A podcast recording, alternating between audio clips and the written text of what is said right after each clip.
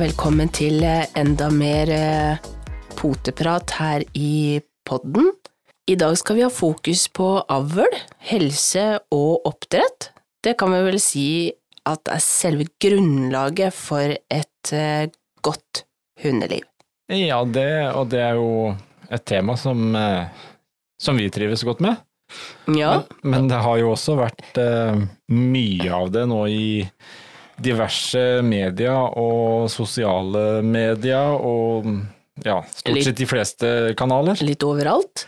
Eh, Både av god og mindre god kvalitet, kan vi vel si. Ja, det har vel vært eh, snakk om eh, ymse kvaliteter på i hvert fall det som gjelder havl og oppdrett, og ja. diskusjoner om ulike mm, helsekrav og ulike ting der. Det, mm. Det, jeg regner med at de fleste har fått det med seg?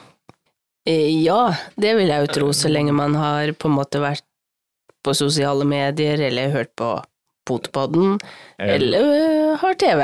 Ja, eller eh, lest aviser og nettaviser og alt som er, egentlig.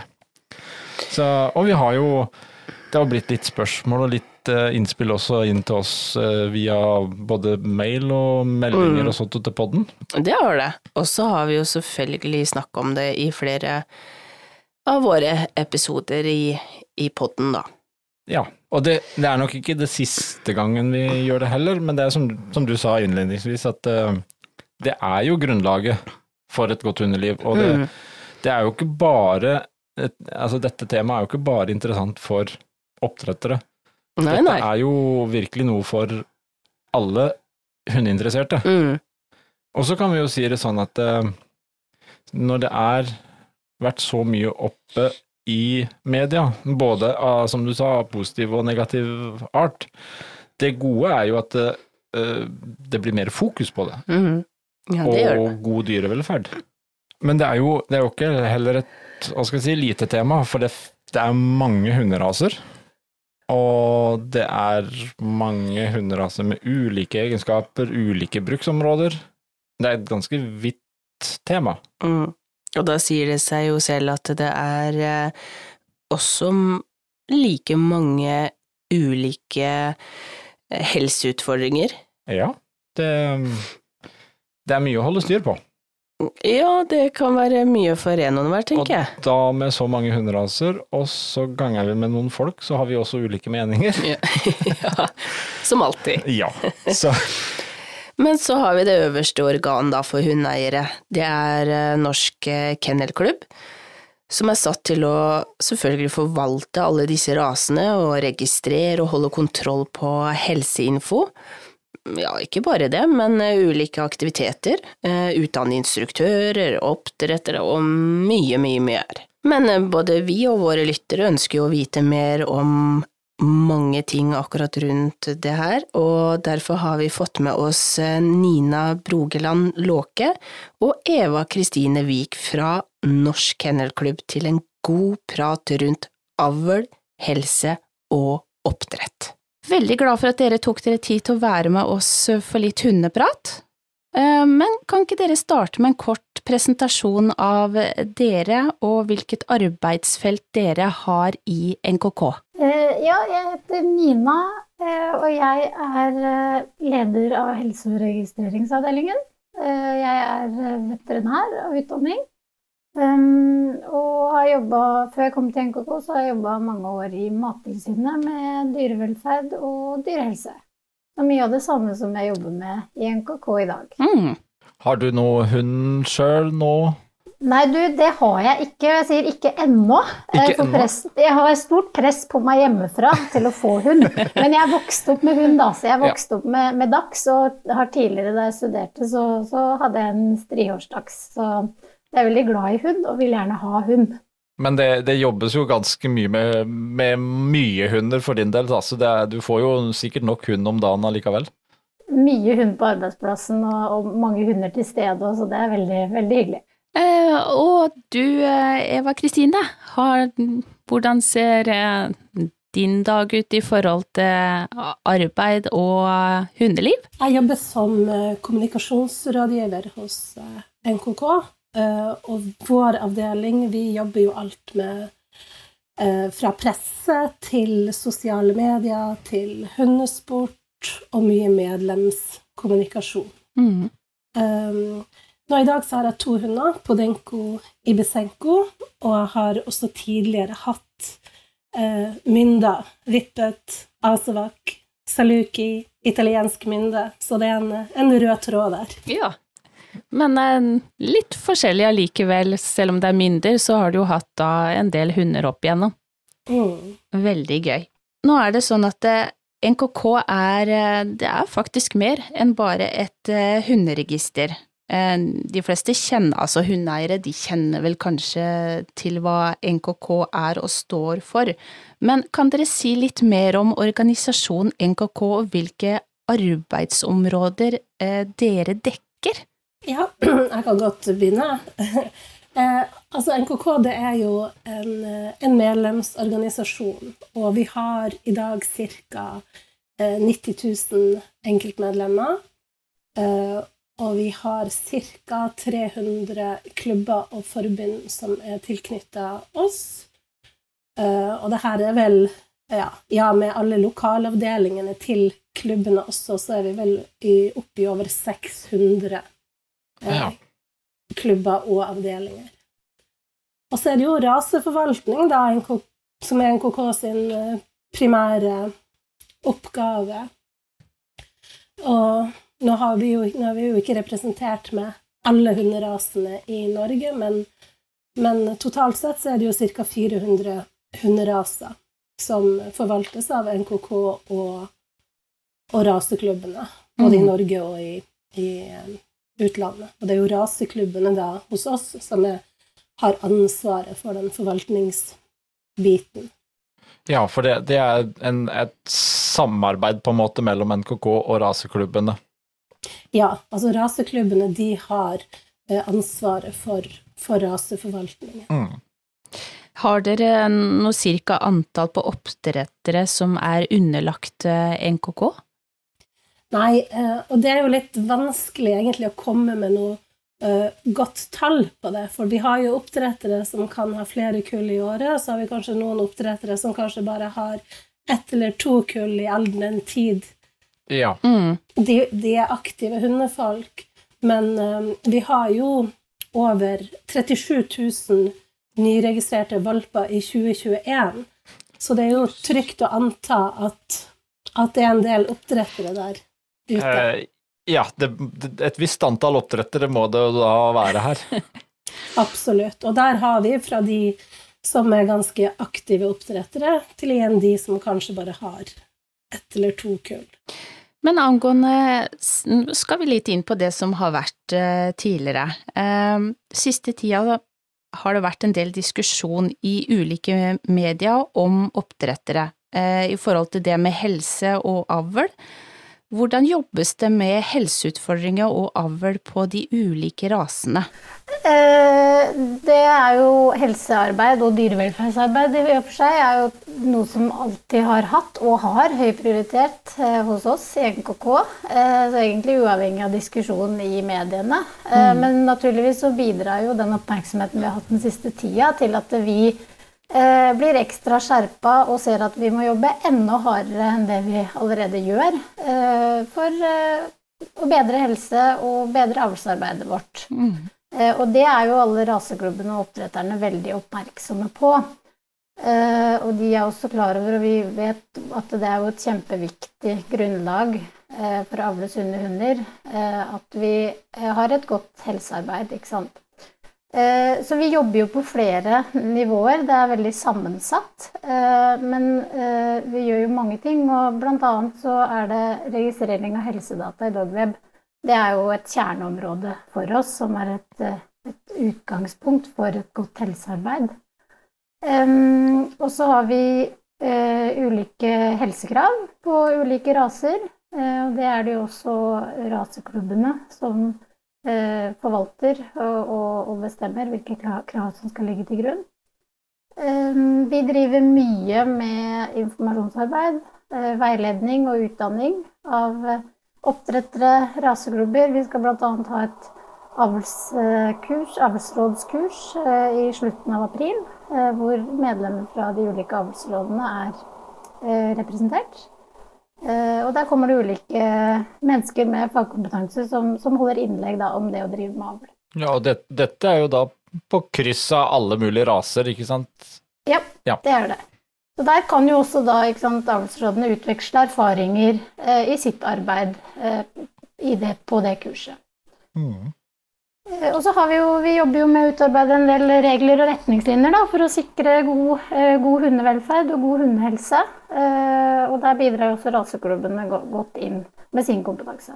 Så det er jo et samarbeid og en organisasjon som, som er basert på, på samarbeid og et oppriktig ønske om å bedre eh, livet til hunder og jobbe for god, god helse og god hundevelferd. Da. Mm. Og det er jo, eh, som vi har snakka om tidligere i poden nå, så er det klart for oss oppdrettere, det som du nevnte, Dogweb, eh, det registeret som er der, det er jo kanskje et av vår, våre viktigste verktøy for å eh, jobbe videre, for å kunne ha kontroll over stamtavler og historikk på, på dyrene. Mm. Og helse, ikke Ja. minst. Og, men, og det er klart, der fikk vi vel, eh, hvis vi skjeler litt tilbake til denne saken fra tidligere i, i vinter med dyrebeskyttelsen mot NKK, de oppdretterne og raseklubbene, så ble det jo omtalt også der som best i klassen. Ja. Så det er jo det er jo litt sånn motstridende i det vi leser der, egentlig, fordi det, det ble jo veldig mye godt for det arbeidet som er gjort. Men nå, saken er jo nå anka, og hvilken betydning har det egentlig nå for, uh, for disse to rasene? Uh, det gjaldt engelsk bulldog og kavaler king charles spaniel. Um, for arbeidet for de sin, altså oppdretterne der nå fremover? Eh, nei, det er klart at når en sånn dom er anka, så er den jo ikke rettskraftig. Så Nei. sånn sett eh, betyr det at de kan fortsette det gode avlsarbeidet som de allerede gjør. Eh, og også se på muligheter selvfølgelig for å jobbe enda bedre enn det vi gjør. Så de kan fortsette avl på de to rasene per i dag. Mm. Og der, vi har jo hørt litt tidligere, vi har snakka med Kristian Holen fra Norsk Bulldogklubb. Eh, sånn i forhold til de, hvis vi går litt på de to rasene, hva Det er jo gjort en del eh, endringer i avlskravene de siste åra på de, og satt i gang en del godt arbeid. Kan du si noe om, for de to rasene, hva som er gjort, og hva som pågår? Eh, Ja, du har helt rett i det. Der er det gjort utrolig mye godt arbeid de siste, siste årene. Og det er det jo raseklubbene som har ansvar for forvaltningen av rasen. Og de har jo da i samarbeid med NKK og uh, ulike fagmiljøer og, og fagpersoner, så har de uh, satt i verk noen tiltak.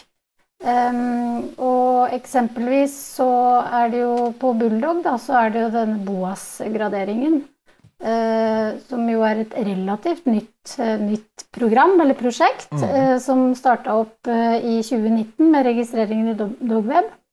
Og det er jo for å, å bedre situasjonen for de hundene, de kortsnutede hundene, da, altså hunder med kort og bred hodeskalle og snute. Um, og det er et type graderingssystem, sånn at vi får oversikt over uh, de friske hundene, sånn at vi kan bruke de uh, videre i avl. Og der er det jo også da selvfølgelig ikke bare registeret, men det har jo vært en uh, på en måte en utdanning av veterinærer for å kunne drive dette BOAS-registreringen. Mm.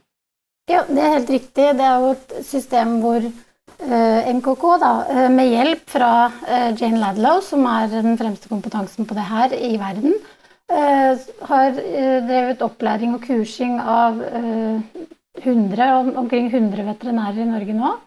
eh, Som da eh, skal sikre at det er kvalitet da, i de vurderingene vi gjør, at det skal vurderes, vurderes likt på alle hunder. Og det er også de, kun de veterinærene som kan gjøre det, og det er de også som legger inn eh, resultatene i, i Dogweb, da.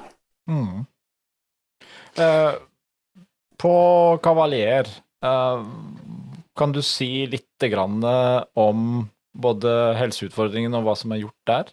Eh, ja, der er det jo eh, også gjort noe tilsvarende på de helseutfordringene de har, og det er jo primært på hjertesykdom, eh, altså en klaffesykdom som, som Kavalier er, har mye av. Um, og der også er det tilsvarende system som er satt i gang i 2019, i samarbeid mellom raseklubbene og fagspesialister. Um, og der har de et screening, obligatorisk screeningprogram for kavaler. Uh, med mål om at de skal da bruke friske hunder i avl, sånn at man kan plukke ut de som har uh, denne sykdommen, sånn at ikke de brukes videre i avl. da. Mm. Det, så her snakker vi 2019. Uh, og det er klart at det, eh, det som da nå kom opp, det er jo uh, litt tidlig i den prosessen. For det er klart, eh, det her snur seg ikke på et år. Vi må ha avkom som da kan gå videre og bli gamle nok til å gå videre i avl. Så det er jo et langtidsprosjekt. Ja, det bør i hvert fall gå over litt lengre tid. Men vi ser jo, sånn som for Boas, da, eh, så ser vi jo allerede nå at, eh, at tallene er gode. Så det mhm. ser lovende ut at vi kan eh, At det fremdeles er friske hunder som kan brukes i avl og forbedre helsestatus i den rasen. Men vi kan jo komme kort innom, eh, innom kryssavl, for det også har det jo vært snakka en del om i forhold til de eh, rasene som vi nevnte. Eh, kan dere kort si noe om hvor omfattende kryssavlprosessen er, hvordan den gjøres? Altså, flere, flere har jo referert til for eksempel norsk lundehund. Ja, det kan jo være et alternativ. Eh, som dere også sier, som vi har, har eh, gjort også i NKK på, på Lundehund. Um, eh, og det er jo eh, et avlsprogram som også må settes i system, da. Så det mm. vil jo være eh, krav som stilles der også, for å, for å, sikre gode resultater av det også. Eh, så der er vi også i samme grad avhengig av at det er hunder som vi har god kjennskap til eh, helsestatus på. Det må være registrerte hunder eh, i et sånt prosjekt, så det må også planlegges og legges opp på en, på en eh, måte som er faglig forankra, det også. Mm. Men det er ikke Det er jo en jobb i seg sjøl det å finne ut hva skal vi krysse. Det er jo ikke bare å ta en rase og på en måte sette, frisk, sammen, ja, og sette sammen med noen av de rasene. Det en, er jo en god jobb bak, bak, dette for å finne eh, det som gir best mulig eh, Hva skal vi si? Kan krysses med? Eh, ja. ja. Og Det vil jo gjelde for alt avlsarbeid, enten det er avl innafor de rasene vi har, eller om mm. det er snakk om krysningsprosjekter, så må det jo være forankra i forskning og, og fag.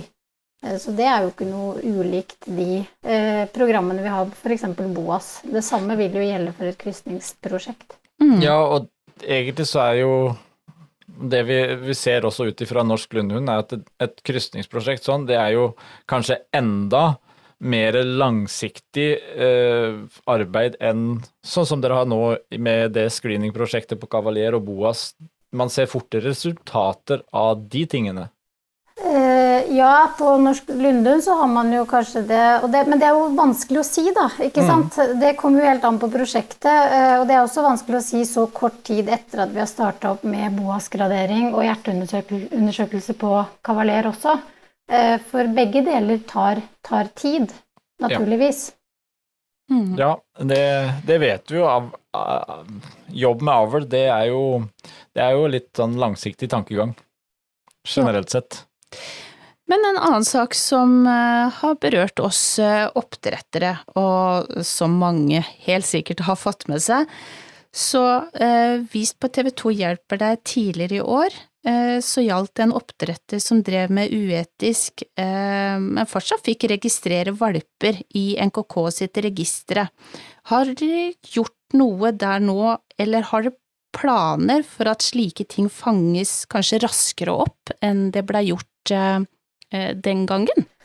Eh, ja, det er svaret på det. Eh, det var jo en sak som vi også er helt enig i at tok altfor lang tid for oss å følge opp. Men så er vi godt i gang med å endre på det nå. Vi har innført noen nye rutiner og iverksatt noen tiltak som, som gjør at vi følger opp de sakene på en bedre, bedre og mer strukturert måte. Eh, og at vi gjør noen, noen vurderinger underveis eh, og, og, prøver å følge opp de sakene på en, en, en lik måte, da, og en enhetlig måte. Mm. Og Der også involverer vi raseklubbene, for det er jo de som sitter med den fremste kompetansen på, på oppdretterne og har kontakt med det nettverket. Ja, og det er klart, som det, som det var nevnt her, 37 000 valper registrert i fjor. Så det er klart, eh, den her ene oppdretteren var jo en av veldig mange oppdrettere, og er sånn sett ikke representativt for massen. Men uh, det er klart at uh, i alle systemer så vil det jo være muligheter for noen glipp.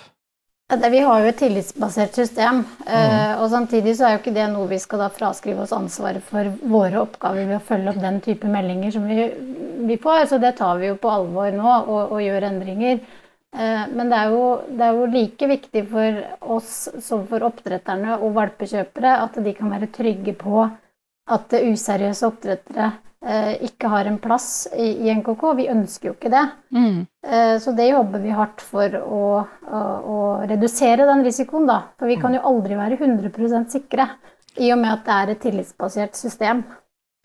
Nettopp. Det jo, men, men, det er jo det som er viktig, at den, vi også oppdretterne tar vår del av ansvaret, raseklubbene tar sin del, og mm. NKK tar sin del, og så sammen så blir jo dette her bra. Det gjør det. Men nå skal vi over til noe litt mer hyggelig, kan vi jo si. Ja, vi, vi, skal jo se fremover. Eh, hvorfor trenger Hunde-Norge et sterkt, godt NKK, eh, registrerte oppdrettere og utstillere, og hvorfor er det her så viktig? Nei, jeg tenker jo at et et stødighet og et solid NKK det er helt avgjørende for, for god hundevelferd. Det går litt på det her at man Det ene er jo aspektet med, med raseforvaltning, men, men, det andre aspektet er jo også å forvalte hundens verdi i samfunnet. Jeg tenker jo også sånn at så lenge man har kontroll på eller oversikt over, jeg skal ikke si kontroll, men oversikt over uh, hundepopulasjonen. Måten hunder blir avla og, og oppdretta på. Hva som møter valpekjøpere, og at man har den ressursen som, som rasemiljøet er, så tenker jeg jo at det er kanskje den fremste oppgaven vi har for å ivareta hundevelferden. Mm. Og så er det jo også nettopp fordi at hunden skal jo være en samfunnsressurs. Og samfunnet må også anerkjenne verdien som hunden har. Og kanskje i Norden spesielt så har vi jo vært forskåna for mye av denne eh, hundeproblematikken, hvis man skal kalle det det. Det er jo egentlig en menneskeproblematikk. ja. Men, men med typ overfylte shelters, løshunder, hunder som er lett tilgjengelig i dyrebutikken, og, og, alt det her, det er jo med på å forringe hundens verdi. Mm. Altså, er hunden veldig lett tilgjengelig, så er det også en lav terskel for å skaffe seg en hund. Og da blir det jo også en lavere terskel for å kvitte seg med en hund, f.eks. Mm. Ja. Og nettopp de her eh, rasespesifikke egenskapene som vi er så opptatt av, er jo også utrolig verdifull for, for samfunnet. Altså, vi har 400 raser. Du vil finne den hunden som passer deg perfekt, med en god eh, forutsigbarhet på hva du kan forvente deg i atferd. Ja, det er klart. Med 400 raser så bør det være en type som passer for de fleste. Absolutt. Og så ikke minst også det her med samfunnsverdien, da. At vi trenger, vi trenger tjenestehunder, vi trenger redningshunder, vi trenger sporhunder, vi trenger førerhunder, og vi trenger jo også de gode familiehundene. Og mm. alle er jo like viktige. Og det her eh, si det her samarbeidet mellom hund og menneske, det er jo ikke noe som kommer til å slutte. Men jeg tror vi må være forsiktige med å ikke la det bli altfor tilgjengelig, som det kanskje har blitt de siste årene. Mm. Ja, og der sa du jo litt det der med, med oversikt. Uh, det, oversikt gir jo litt kontroll. Uh, om man ikke har den totale kontrollen, så gir jo mer oversikt enn mer kontroll. Ja, og så tenker jeg jo også i forhold til uh, Raseklubben er jo én del av det, men så er det jo også uh, aktivitetsklubbene som favner alle hundene. Mm. Alle hundene våre, og da tenker jeg jo også på blandingshundene. Ikke sant? Den kompetansen og den tilhørigheten og den hjelpa du kan få fra et godt hundemiljø, er jo uvurderlig uansett hvilken hund du måtte sitte på. Mm. Ja. Og, og, det er jo veldig viktig for oss å, å, få fram at vi vil jo gjerne at alle de som får seg hund, blir tilknyttet et eller annet miljø. For at vi kan nesten garantere deg at uansett hvilken hund du får, så vil du møte på noen utfordringer underveis. Helt klart. Og du har behov for, eh, kall det kollegaer som du, man kan støtte seg på, og derfor er jo både raseklubber og, og ikke minst lokale hundeklubber en, en vesentlig viktig faktor. Mm. Ja, de er utrolig, utrolig viktige. Og jeg tenker jo også på at vi er kanskje Norges andre, tredje største medlemsorganisasjon, så den kompetansen NKK har og da tenker jeg ikke på administrasjon, men da tenker jeg på organisasjon.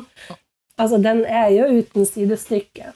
De timene med frivillig innsats som blir lagt ned, og oppdrettere som omtrent har doktorgrad i, i avl og genetikk på sin rase. Mm.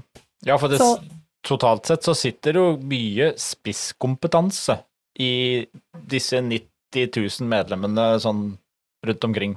Absolutt.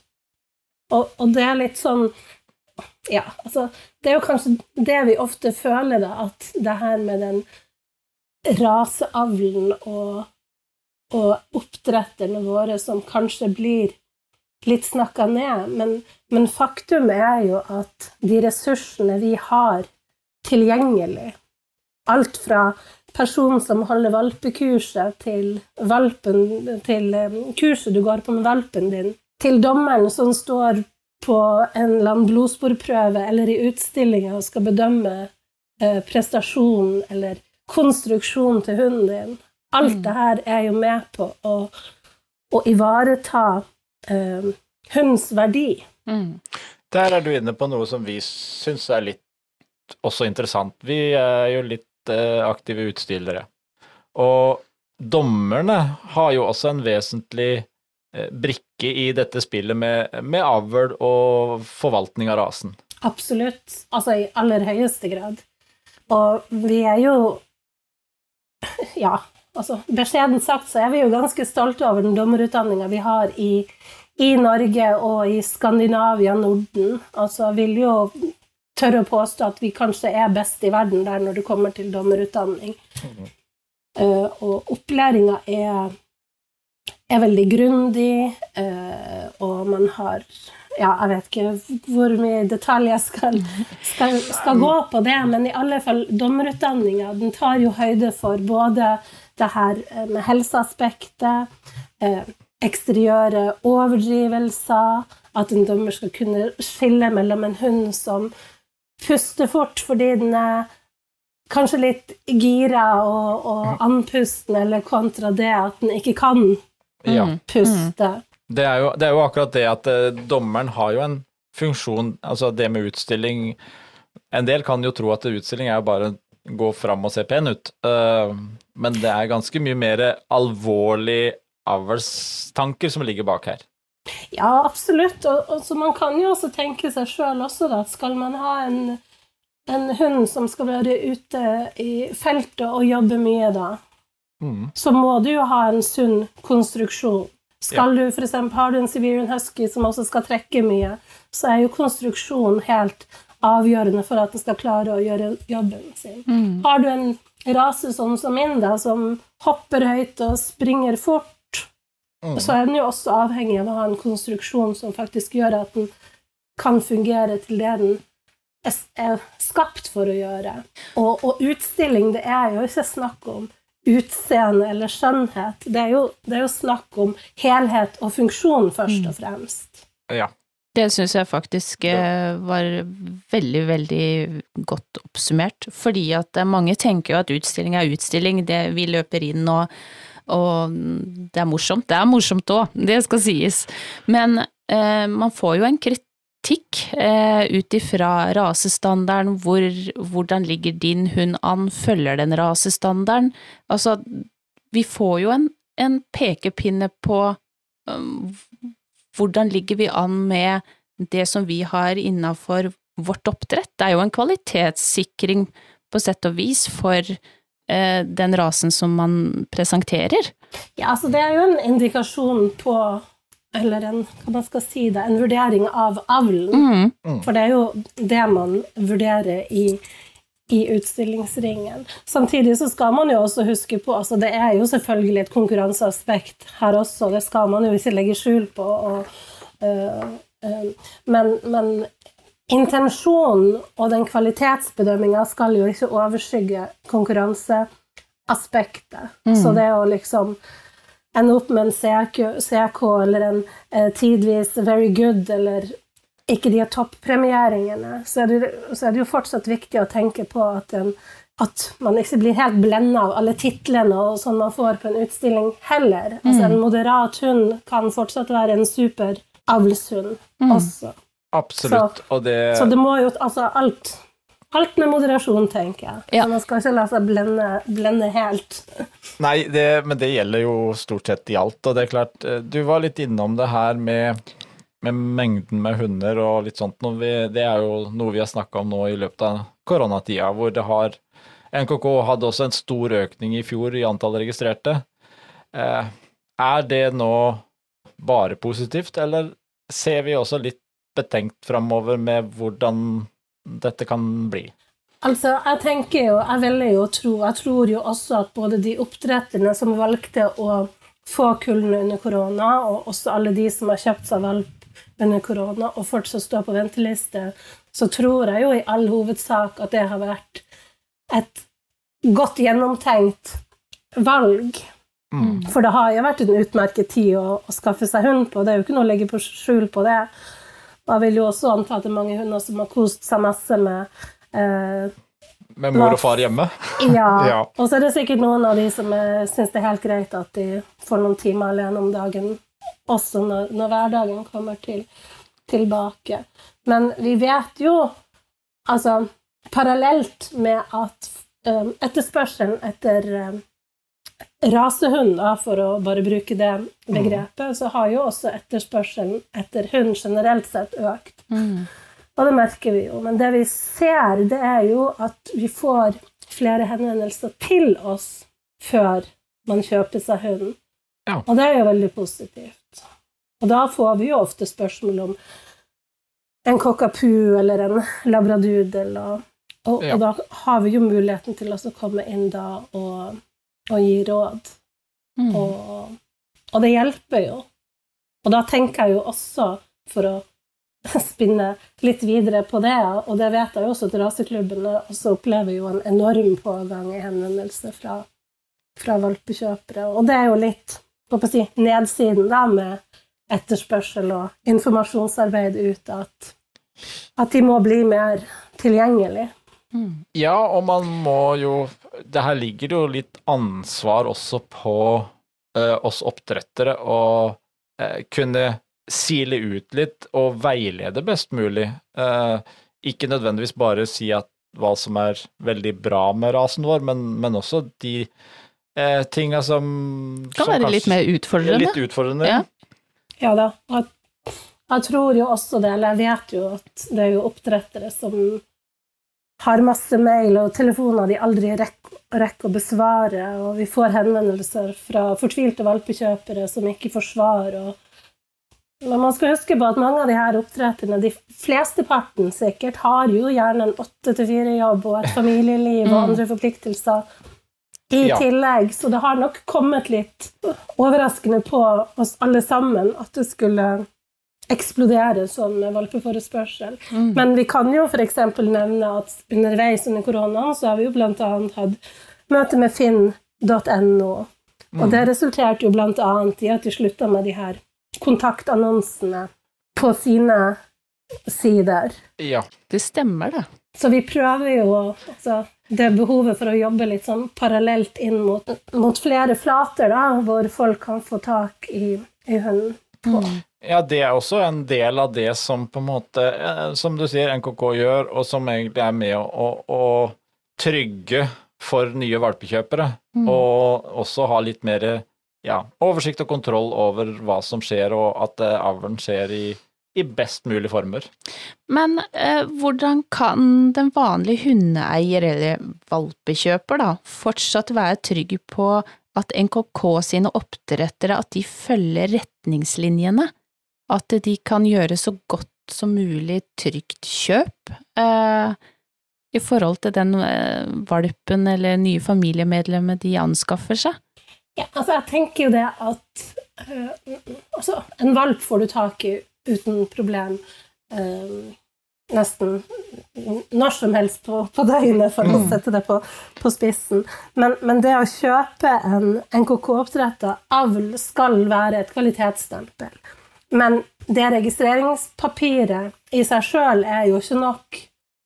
Altså, tar du kontakt med raseklubben, tar du kontakt med noen i det rasemiljøet, får du referanser, snakker du med to-tre forskjellige oppdrettere, som egentlig er en ganske enkel jobb å gjøre i dag, kontra skulle man ha seg valgt for kanskje 15-20 år siden, så skal det være ganske en, en ganske grei prosess. Utfordringa er jo det, og det har jeg all mulig forståelse for, det er jo det at man vil jo gjerne ha den valpen så fort som mulig. Mm. Og da er det jo kanskje også lettere at man ser litt bort fra de små tingene som kanskje skurrer litt. Mm. Ja, det er jo klart at når man blir ivrig, så, så stryker man kanskje bort noen punkter som man egentlig hadde tenkt seg, og det får vi jo bare oppfordre alle til å egentlig beholde den sjekklista som de egentlig hadde tenkt. Mm. Og ta også vi, vi har jo sagt det før mange ganger innom kjøpehund.no eh, som et godt start, eh, start på, på leit etter valp. Det er et godt start å, å lete på valp, og da får man jo også en kjapp introduksjon av, av rasen. Men igjen, det er hos raseklubbene og de som har rasen, kompetansen, sitter. Men, Mm. men NKK sine, og det kan jo Nina egentlig si mer om, men, men registreringskravene til NKK de er jo mye strengere enn det som gjelder i samfunnet, samfunnet ellers. Så jeg tenker jo at har du i alle fall kjøpt en valp med, med det på papiret, så vet du i alle fall at helt elementære ting er ivaretatt av, av hundevelferd. Mm. Da har vi fått et veldig godt innblikk i eh, avlsarbeid og raseforvaltning, som er en veldig stor og viktig del av eh, NKK sitt eh, arbeid. Er det noe mer dere tenker som er viktig å få fram nå avslutningsvis? Ja, jeg tenker eh, Det kan jeg godt si. Det, det vi kan si noe om, det er jo at den eh, For å hente opp tråden litt fra begynnelsen av programmet, da, det med denne her, kanskje det man kunne si var uønska oppmerksomhet i media. Eh, og det, det, det er jo en gyllen anledning for oss til å jobbe bedre. Og det også er jo den oppmerksomheten som hundehelse og, og hundevelferd får i media. Det gjør jo også at eh, vi utvikler oss, og at regelverket utvikler seg. Eh, og at nå kommer det jo etter hvert på banen en, en forskrift om avl av hund fra Mattilsynet. Eh, som jo også NKK har, eh, har vært inne og eh, gitt innspill, innspill til. Eh, og det, det, jo, det arbeidet vil jo bli fortgang i når oppmerksomheten er sånn den er. Eh, For det stiller jo krav til Mattilsynet, og det stiller strenge krav til NKK eh, og andre aktører. Eh, Så det skal vi egentlig bare være glad for. Mm, ja, så det er, det er ikke bare eh, og, og Man må se litt lenger enn akkurat bare det negative som man sitter og krangler om på sosiale medier nå. Ja, og det er som Eva sier, at vi er jo enig i mange ting. Eh, både, altså, både med dyrebeskyttelsen, eh, og vi setter jo stor pris på at det kommer et tydeligere regelverk for det her, så lenge vi har muligheten til å komme med innspill og vi blir hørt. Og det, det er jo akkurat det vi oppfatter her, at vi, vi er en sterk røst i NKK, og vi blir hørt eh, av Mattilsynet i det tilfellet her. Og i andre høringer så, så blir vi hørt. Og det er også en viktig oppgave vi, vi har som organisasjon. da, eh, Å spille inn eh, og ivareta interessene til, til alle hundeeiere og raseklubber og oppdrettere i Norge. Så egentlig så, så tror vi eh, felles at det kommer veldig mye bedre framover ut av dette her. Ja, det tror vi og håper på. Det ser i hvert fall, hvert fall sånn ut. Og, og, vi må alltid gripe sjansen til å kunne forbedre oss, alle sammen. Og målet er jo det samme. Vi har alle et felles mål, og Ja. det er jo sunne og friske hunder. Og, som kan leve lange, gode liv til nytte for samfunnet og for eierne. Det var Det syns jeg var noen uh, siste gode råd, rett og slett. Tusen takk Nina og Eva Kristine for at dere ga oss litt mer innblikk i NKK sitt arbeid, og at dere ville ja, forklare oss litt om eh, hvordan NKK arbeider, men ikke minst tenker også fremover i forhold til de ulike tingene som har vært oppe. Takk for oss. Takk Det var eh, utrolig interessant. Og det var lærerikt. Og så kan man jo også tenke litt over at selv om man kan være uenig noen ganger, så husk på at alle egentlig har jo Vi har jo samme mål, har vi ikke det? Ja, det syns jeg var egentlig veldig fint at de tok opp det på Mm. slutten. Um, for, for det er jo Det var jo litt det vi refererte til her nå, at um, det har vært mye diskusjoner, og disse sakene som vi har vært litt innom nå, og tidligere, så har det vært um, Det, det setter jo i gang mye diskusjoner. Og Mm. det, det er nok mange uttalelser også som kanskje ikke burde ha vært på trykk. Ja. Um, men, men det er jo ingen tvil om at uh, i utgangspunktet så ønsker man jo den, det samme mål og de samme tinga, og god dyrevelferd. Men man har kanskje litt ulik måte å gå fram på for å Ja, nå eh, egentlig tydelig. de samme målene. Det kan vi jo være ganske sikre på, det har kommet tydelig fram. mm. Eh, Så spørsmålet er jo også litt sånn Kanskje man eh, skulle samtalt litt på et annet plan, Mm. istedenfor å hva skal jeg si, konkurrere, som jeg føler kanskje noen eh, har lett for å gjøre. Men én ting kan vi vel egentlig konkludere med, da. At eh, det er, og skal fortsatt være, trygt å kjøpe valp fra en NKK-registrert oppdretter. Og det, det er jeg glad for. Det er veldig Det er jo litt som de sa fra NKK her òg, at det skal jo være Det å være en NKK-registrert oppdretter skal være et kvalitetsstempel. Jeg tenker, går man gjennom de eh, punktsjekklistene som vi har snakka om tidligere og sånn nå, så bør det jo på en måte være en, en, god hjelp på veien, i hvert fall. Ja, og både systemene og NKK og vi oppdrettere og vi som hundeeiere Mm. kan hele veien bli bedre. Ja. Det, det, det er jo helt klart, og det Men én ting som er i hvert fall helt sikkert, og det er at Hunde-Norge trenger Norsk Kennelklubb. Enten om man er eh, oppdrettere eller eh, utstillere, eller driver med mm, bruks, bruks eller ja, konkurranser ja. ja, Så, så trenger vi Norsk Kennelklubb.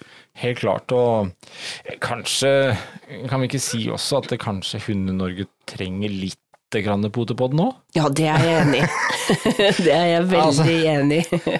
Vi, eh, vi skal i hvert fall fortsette å prøve å ta opp ulike interessante tema Mm. og ulike tips og råd og ja, ulike deler av hundelivet. Ja. Så, så kan vi jo håpe at det, vi, vi, vi, vi, trengs litt, vi òg. Ja, det håper jeg jo inderlig. Vi, eh, vi syns jo at det er hyggelig å sitte her, og ikke minst eh, få lov til å snakke med mange forskjellige mennesker som har i bunn og grunn den samme lidenskapen som oss, nemlig hund. Ja, og selv om vi sitter her i vårt lille studio og vi ikke akkurat ser så mye, så får vi heldigvis en del tilbakemeldinger, og det Ja. er jo det som er moro. Så eh, fortsett å sende oss spørsmål, send oss tips om temaer, ting dere ønsker at vi skal ta opp.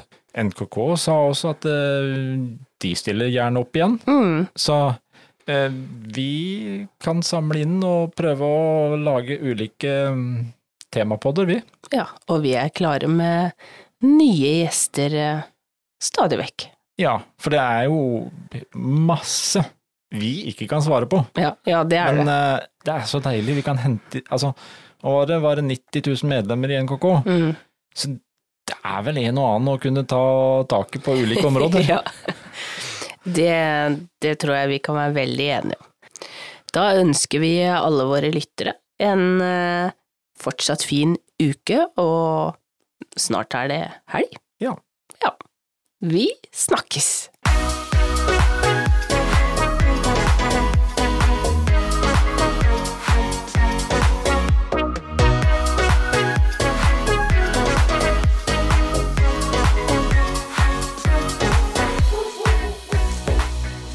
Potepodden, firebent prat laget av ckakademiet.no.